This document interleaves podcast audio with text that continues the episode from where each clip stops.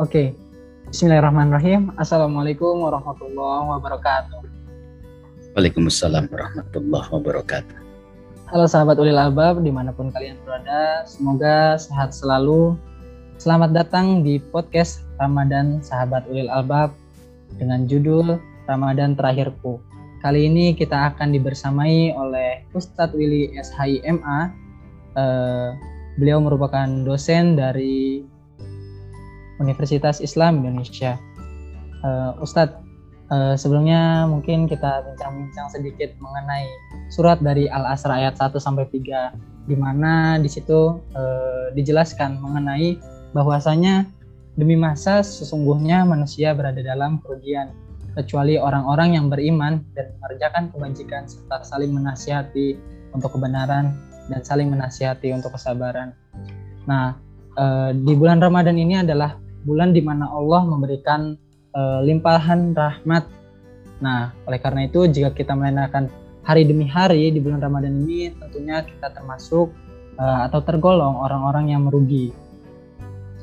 Baik, Ustadz, uh, bagaimana agar kita tidak tergolong uh, atau termasuk orang yang rugi dalam Ramadan di tahun ini ataupun tahun-tahun setelahnya seperti itu, Ustadz. Kemudian uh, sudut pandang Ustadz mengenai Ramadan terakhirku itu seperti apa? Monggo Ustadz.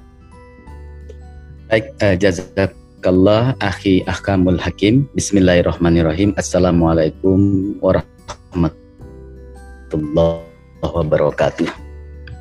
Wa ala alihi wa ashabihi wa mawala amma.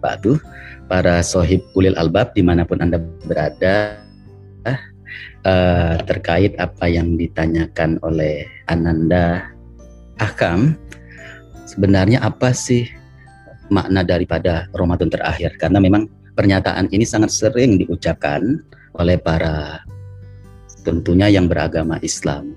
Mereka ketika bertemu dengan bulan Ramadan selalu mengucapkan ataupun senantiasa membayangkan Ramadan terakhir tuh Terus terang Ustaz tidak tahu siapa yang mengawali yang mengucapkan Ramadan terakhir itu. Namun Ustaz berusaha menginterpretasikan, memahaminya apa yang dimaksud dengan Ramadan terakhir. Sebelum Ustaz menguraikan lebih jauh lagi, mungkin Sohib Ulil Albab perlu ketahui terlebih dahulu apa yang dimaksud dengan Ramadan itu sendiri. Nah, Ramadan itu berasal dari bahasa Arab. Kalau Ustadz mengutip pandangan dari seorang ulama bernama Ibnu Kasir, beliau memberikan definisi Ramadan itu artinya adalah panas.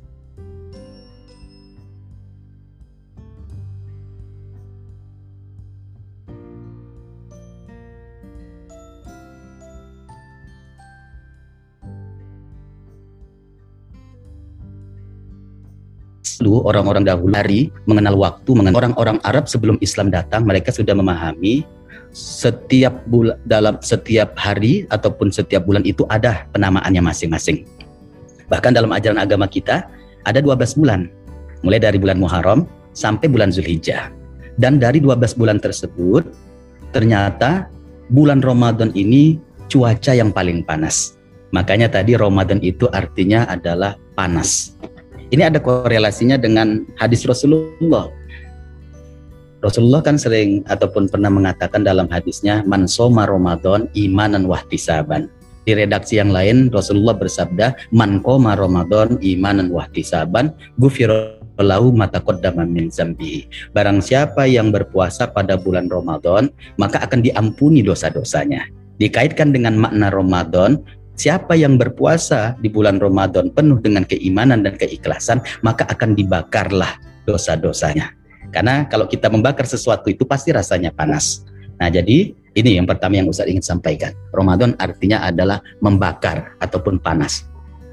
Sementara itu, puasa puasa itu sebenarnya ibadah yang sudah disyariatkan oleh umat-umat Nabi Muhammad ya. Bahkan sebelum umat Nabi Muhammad sudah disyariatkannya puasa. Namun puasanya bukan puasa Ramadan.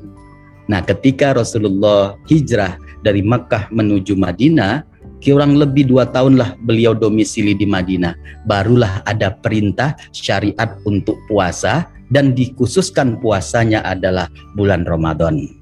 Nah, oleh karena itu, para pendengar di mana pun Anda berada, jadi kemudian muncullah ungkapan ini adalah Ramadan terakhirku. Ustadz menafsirkannya, orang-orang yang mengatakan ini merupakan Ramadan terakhirku, ini merupakan ungkapan yang mana di dalamnya ada harapan, Mas Ahkam. Jadi ada harapan, ya Allah, karena Ramadan ini merupakan memang bulan yang disiapkan oleh Allah untuk umat Islam, untuk umatnya baginda Muhammad Shallallahu Alaihi Wasallam, maka itu ada istirja, ada harapan.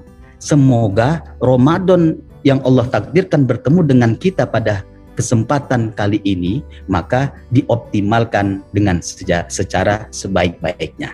Jadi itulah makna Ramadan terakhir tuh. Makanya alangkah ruginya lah kita kalau Mas Akam tadi mengutip surat Al-Asr yang terurut 103. Jadi surat Al-Asr itu urutan 103. Jadi kealangkah ruginya lah kita kalaulah kita ditakdirkan oleh Allah Subhanahu wa taala bertemu dengan bulan Ramadan namun ibadah kita tidak maksimal kita masuk kategori orang yang rugi ini yang bisa saya sampaikan terkait tentang apa yang dimaksud dengan Ramadan terakhir itu kemudian sedikit juga Ustadz menambahkan Ustadz apakah uh, bagaimana kategori orang-orang yang rugi ketika dia sudah bertemu dengan bulan Ramadan jadi sebenarnya kuncinya cuma satu. Ketika Allah mentakdirkan kita bertemu dan bersua dengan bulan Ramadan, maka jawabannya adalah kita berupaya semaksimal mungkin menjalani ibadah dengan sebaik-baiknya, dengan sebanyak-banyaknya. Karena hari biasa, bulan biasa, kalau kita beribadah, kita mendapat kebaikan. Tapi kalau hari biasa dan bulan Ramadan kita lakukan ibadah sebanyak-banyaknya, maka ganjaran kebaikan itu melebihi dua kali lipatnya. Nah, lantas siapakah orang yang rugi? Orang yang rugi itu adalah ketika dia sudah bertemu dengan bulan Ramadan, dia tidak memaksimalkan ibadahnya selama bulan Ramadan atau malah biasa saja ini masuk kategori orang yang rugi. Makanya Ustaz teringat apa yang dikatakan oleh Rasulullah Sallallahu Alaihi Wasallam. Rasulullah Sallallahu Alaihi Wasallam pernah bersabda, "Laukanan nasu ya'lamu ma fi syahri Ramadan, latamannan nas Ramadan asyahru kulluhu." Kalaulah manusia tahu begitu mulianya bulan Ramadan, kalaulah orang tahu begitu istimewanya bulan Ramadan, niscaya manusia itu pingin Ramadan itu tidak sehari, tidak satu bulan, tapi berharap selama 12 bulan. Karena lagi-lagi Ustaz sampaikan berdasarkan dalil yang disampaikan oleh Rasulullah, kesempatan umatnya baginda Muhammad Sallallahu Alaihi Wasallam bisa masuk ke surga, peluang yang terbesar ada di bulan Ramadan. Begitu, akhi, akan. Insya Allah Ustaz, uh, itu dia penjelasan mengenai Ramadan terakhirku ya Ustadz ya. Uh, Oke, okay. baik selanjutnya uh, dari bulan Ramadan ini kan seperti yang kita ketahui di mana bulan ini terdapat uh, beberapa hal istimewa bahkan hampir di seluruh harinya itu istimewa gitu ya. Di mana ada malam nuzul, Quran, kemudian uh, ya di mana malam yang lebih baik daripada seribu bulan seperti itu ya Ustadz ya. Nah, Uh, kemudian ada lagi nih Ustadz pepatah mengatakan atau nasihat gitu ya. Uh, bekerjalah untuk duniamu seakan-akan engkau hidup selamanya. Beramallah untuk akhiratmu seakan-akan engkau akan mati esok gitu Ustadz. Nah, boleh nggak Ustadz uh, dijelaskan sedikit mengenai itu? Karena itu mungkin ada hubungannya gitu ya. Uh, beberapa orang atau mungkin kebanyakan orang gitu ya uh, yang ngejar dunia dunia aja yang ngejar akhirat akhirat aja gitu Ustaz boleh dijelaskan Ustaz Baik, terima kasih Aki Ahkam.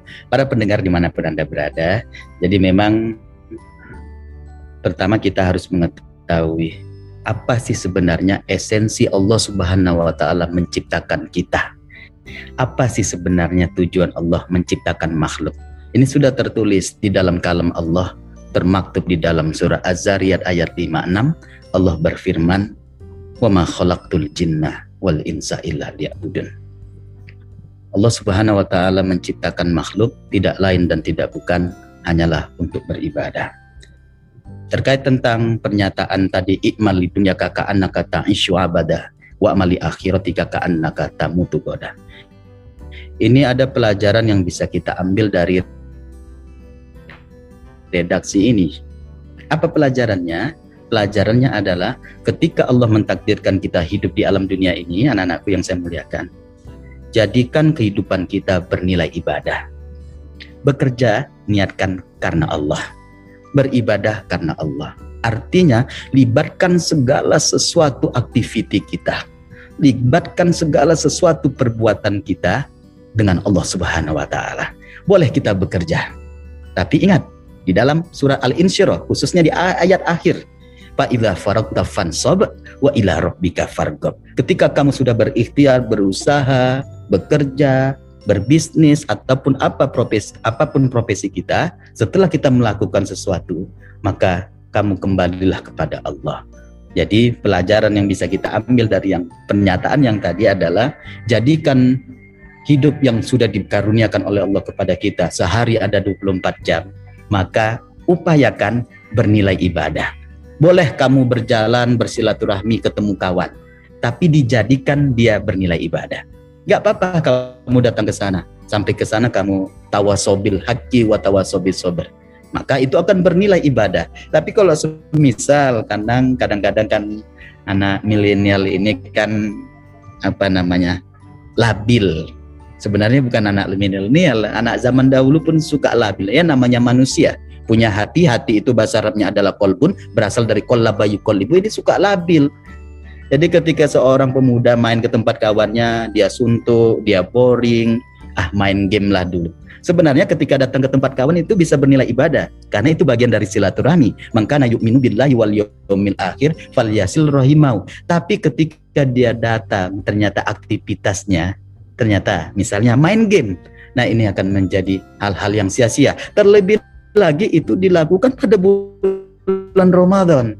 Ini masuk kategori orang yang merugi. Makanya kembali lagi Ustadz mengajak kepada para pendengar di mana pun Anda berada, Allah memberikan kesempatan kepada kita hidup dan kehidupan kita tidak abadi di alam dunia ini. Oleh karenanya, ketika Allah mentakdirkan kita hidup, kita ikhtiarkan, kita upayakan proses perjalanan hidup kita bernilai ibadah. Begitu akhir. Oke Ustadz. Baik selanjutnya gitu ya Ustaz ya. Ini melihat dari uh, kacamata anak milenial gitu ya Ustaz. Banyak orang yang menafsirkan uh, kata niat ini hanya cuma di awal gitu Ustaz. Jadi ya mungkin niat di awalnya baik, tapi kemudian uh, agar mendapatkan nilai yang baik juga, tapi dalam pelaksanaannya justru malah tiba-tiba belok gitu Ustaz. Bagaimana itu? Iya, baik. Nah, jadi memang ikhwati wa ikhwani fillah. Jadi memang manusia itu tidak pernah luput dari ujian. Semakin besar kedekatan seseorang hamba kepada Allah, maka semakin besar pula lah godaan yang akan dia hadapi.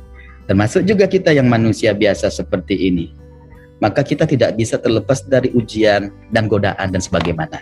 Nah, oleh karena itu, kembali lagi tadi, kita harus senantiasa memperbaharui niat. Makanya setiap aktivitas itu seyogianya harus ada niat. Ya, niat dan doa. Makanya kalau kita mau sholat, pasti ada niatnya. Jadi tidak ujuk-ujuk langsung takbiratul ihram Allah Akbar, tapi kita awali dengan niat usolli, misalnya mau pakai usolli ataupun ada yang mau menggunakan mazhab Allahumma ba'id silahkan dua-dua diperbolehkan kemudian ketika kita mau berwudu kita juga mengawali dengan niat. Nah wa itu doa li rabbil hadathi asgori fardolillahi ta'ala. Nah jadi saya mengajak kepada para pendengar di mana pun anda berada segala aktivitas yang kita lakukan diawali dengan niat dan doa. Karena itulah yang akan memberikan kita supporting, yang memberikan kita motivasi agar perbuatan yang akan kita lakukan diawali dengan niat bisa on the track, Mas Ahkam. Jadi kalau misalnya kita melakukan sesuatu, kemudian kita awali dengan niat, maka itu akan lebih memberikan dampak positif kepada diri kita. Nah, tapi kalau misalnya kita, kamu mau ngapain ke sini? Nggak tahu. Nah, jadi memang inilah yang membuat seseorang hamba itu bisa labil. Nah, dan tentunya ada faktor eksternal yang lain juga. Artinya apa? Walaupun orang sudah berniat, kemudian tiba-tiba kok bisa melenceng. Nah, itu terkadang ada faktor eksternal. Mungkin lingkungannya, mungkin bisikan-bisikan yang lain. Karena ini sudah sunatullah, Mas Akam. Siapa pun dia, ya bahkan sampai level ustadz pun atau level kiai pun pasti ada godaan ujiannya. Kadang-kadang lingkungannya awalnya sudah berniat, ya Allah, apa tuh namanya? Uh, saya ingin sholat tahajud nanti malam misalnya. Tapi gara-gara ada bola misalnya begitu. Nah jadi inilah realitas yang terjadi dan ini tidak sedikit terjadi di kalangan kita, wabil khususnya para anak-anak muda. Begitu Aki Akam. Uh, Oke, uh, sahabat ulil albab itu dia penjelasan sedikit mengenai uh, bagaimana kita meluruskan uh, tentunya bisa bernilai baik di mata Allah Subhanahu wa taala. Oke Ustadz, uh, selanjutnya saya akan bertanya mungkin uh, hal apa saja sih yang kita perlu lakukan untuk beramal baik di Ramadan uh, di bulan Ramadan ini Ustadz. Kemudian hmm. mungkin bisa dijelaskan nih Ustadz tips dan uh, seperti apa sih? Karena kebanyakan ya seperti yang kita ketahui gitu, remaja-remaja sekarang itu banyak digunakan uh, waktunya dengan hal-hal yang tidak bermanfaat, entah itu rebahan, bermain game gitu kan ya Ustadz. Nah, karena ya seperti yang kita tahu juga uh, kita ini berada di kondisi pandemi di mana segala sesuatu melibatkan internet online gitu. Nah, di internet juga karena kayak tadi aja Alhamdulillah lebaran gak kerasa 29 hari lagi gitu. Banyak meme mengenai itu. Nah ada juga yang uh, bilang kalau misalnya pahala uh, dilipat gandakan apakah dosa juga dilipat gandakan gitu Ustaz di bulan Ramadan ini? Baik terima kasih Aki Akhtar. Nah terkait tentang yang pertama tadi apa tuh namanya yang meme meme apa lah istilahnya itu ya. Iya, nah itu sebaiknya bagi ada teman-teman kita maka kita tahu akan hal itu maka kita sebaiknya adalah tawasau kita ingatkan ya tentunya kita sampaikan secara yang baik misalnya kita dekat sama dia ya kita ajaklah ngobrol bro ini nggak baik kayak gitu ya bahkan kalau kita belajar dari sahabat Nabi sahabat Nabi itu ketika mau berakhir Ramadan itu sampai menangis. Karena ya tadi, jangan-jangan ini Ramadan terakhirnya. Bisa jadi tahun depan nggak ketemu lagi. Bulan Ramadan ini memang disiapkan untuk kita. Amal ibadah yang kita lakukan itu dilipat gandakan oleh Allah Subhanahu wa taala. Lantas pertanyaannya kalau kita lakukan dosa bagaimana? Nah, kalau dosa enggak dilipat gandakan. Nah, cuman ya tadi kita masuk kategori orang yang rugi. Ketika kita sudah mungkin barangkali banyak yang belum tahu makanya kita terus mengikuti kajian mendap belajar terus keutamaan bulan Ramadan. Nah jadi kok misalnya apa namanya dosa apa? Tapi kok misalnya ada orang melakukan dosa ataupun maksiat di bulan Ramadan ini nauzubillah ya. Ustaz takut Allah menutup khatamallahu ala qulubihim wa ala sam'ihim wa ala itu yang Ustaz khawatirkan Makanya bagi teman-teman yang barangkali tahun lalu pernah hilap, maka kembalilah kepada Allah. Kembalilah ke jalan yang benar. Dan Allah Maha Pengampun. Allah senantiasa memberikan taubat kepada hamba Allah yang betul-betul konsisten dan komitmen. Dan dia ketika taubat dia tidak mengulangi lagi. Dan tadi Ustadz lupa juga untuk menambahkan termasuk juga bulan Ramadan itu begitu istimewanya. Ramadan itu ketika di bulan Ramadan setan-setan kan dibelenggu. Ini maksudnya apa? Berarti Ustaz kalau begitu seharusnya orang kok realitasnya banyak orang yang melakukan maksiat ya akamnya. Nah ini terjadi. Nah sebenarnya ini makna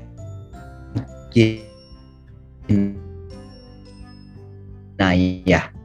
Tapi ya lagi-lagi bergantung kepada diri seseorang. Jadi Allah sudah memerintahkan kita berpuasa di bulan Ramadan. Jadi sentral orang melakukan maksiat itu berawal dari perut. Makanya ketika bulan Ramadan direm perut kita biar nggak masuk makanan karena pusat pusat nafsu itu di perut. Perut itu isinya makanan. Semakin banyak orang makan maka berpotensi apa ya memiliki hawa nafsu. Ya bisa ngantuk, bisa mengarah kepada maksiat. Nah jadi itu yang kedua yang bisa saya respon. Yang satu lagi apa tadi? Tadi, mm -mm. atau uh, sudah semua? Sudah Ustaz. Oke, baik. Ya, mungkin uh, itu dia penjelasan dari Ustadz mengenai Ramadan terakhirku. Uh, intinya pada bulan Ramadan ini, uh, seperti yang sudah dijelaskan oleh Ustadz Willy, uh, bahwasanya ya kita perlu lurus perlu, perlu lurus niat seperti itu ya Ustadz, yeah. karena uh, suatu niat yang baik yang insya Allah akan uh, menghasilkan yang baik pula seperti itu. Kemudian uh, perbanyak amal. Nah, perbanyak amal ini ada lima amalan tentunya yang uh, dilakukan di bulan Ramadan juga uh, harapannya bisa dilakukan di bulan-bulan setelahnya seperti puasa, salat tarawih, sedekah, iktikaf dan kemudian tak lupa tadarus Al-Qur'an. Uh, kemudian setelah melakukan amalan-amalan uh, seperti itu, uh, kita juga harus uh, ya seperti yang uh, tadi dijelaskan melakukan karena Allah Subhanahu wa taala, tidak lain dan tidak bukan hanyalah uh, untuk mendapatkan ridho dari Allah Subhanahu wa taala. Kemudian yang terakhir ialah uh, banyak berdoa seperti itu. Uh, oke. Okay. Mungkin Ustadz bisa berikan closing statement nih uh, atau bisa kasih motivasi kepada sahabat Ulil Albab di mana pun kalian berada uh, untuk bisa memaksimalkan ibadah di bulan Ramadan karena uh, ya tidak ada kata terlambat gitu. Baik, terima kasih Aki Ahkamul Hakim. Teman-teman di mana pun Anda berada, seandainya Ramadan tahun ini merupakan Ramadan terakhir. Ini merupakan sebuah ungkapan yang diucapkan oleh seorang hamba yang tujuannya adalah dan harapannya adalah agar ketika bertemu dengan bulan Ramadan bisa memaksimalkan ibadah dengan sebaik-baiknya. Saya tadi sudah memberikan paling tidak ada lima hal ibadah lah yang bisa kita lakukan dan harapannya dilakukan secara ikhlas dan secara istiqomah. Lima hal tadi, yang pertama tentunya puasa itu sendiri. Yang kedua adalah sholat, di dalamnya ada sholat sunnah tarawih. Yang ketiga adalah sedekah. Yang keempat adalah tadarus Al-Quran. Yang kelima adalah iktikaf. Nah oleh karena itu Ustaz mengajak kepada pendengar semua, marilah kita melaksanakan amal ibadah tersebut. Siapa tahu itu bisa menjadi modal kita di yaumil kiamah kelak. Siapa tahu Ramadan tahun ini merupakan Ramadan terakhir kita. Tidak ada yang bisa yang menjamin satu pun manusia bahwasanya kita akan hidup sampai tahun depan. Bahkan tidak menutup kemungkinan juga kita bisa saja diwafatkan oleh Allah di saat bulan Ramadan ini Mungkin Ramadan 10 hari yang kedua ataupun 10 hari yang ketiga. Oleh karenanya sekali lagi Ustaz mengajak kepada teman-teman sekalian. Gunakanlah waktu ketika Allah mentakdirkan kita bertemu dengan bulan Ramadan dengan cara beribadah secara maksimal karena Allah Subhanahu wa taala. Kalau ini bisa kita lakukan, Allah nggak pernah ingkar janji. Innallaha la yukhliful mi'at. Siapa yang senantiasa menjalani apa yang diperintahkan Allah melalui Rasulnya, maka dia akan menggapai kebahagiaan sa'idun fid dunya wa sa'idun fil akhirah. Akhirnya berserah diri kepada Allah. Wallahu a'lam bishawab. Assalamualaikum warahmatullahi wabarakatuh. Waalaikumsalam warahmatullahi wabarakatuh. Baik, sahabat ulil albab, itu dia penjelasan eh, atau podcast kita kali ini mengenai Ramadan terakhir bersama Ustadz Willy Ashadi.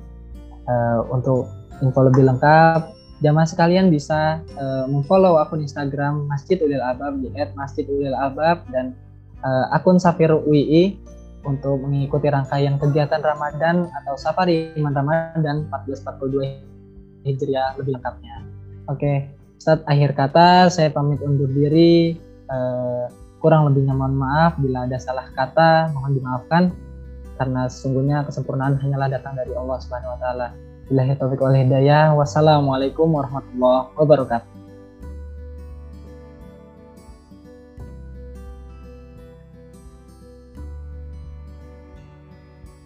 Jazakallah akhi. Syukron Ustaz, kasih Afwan. banyak. Nah, Afwan.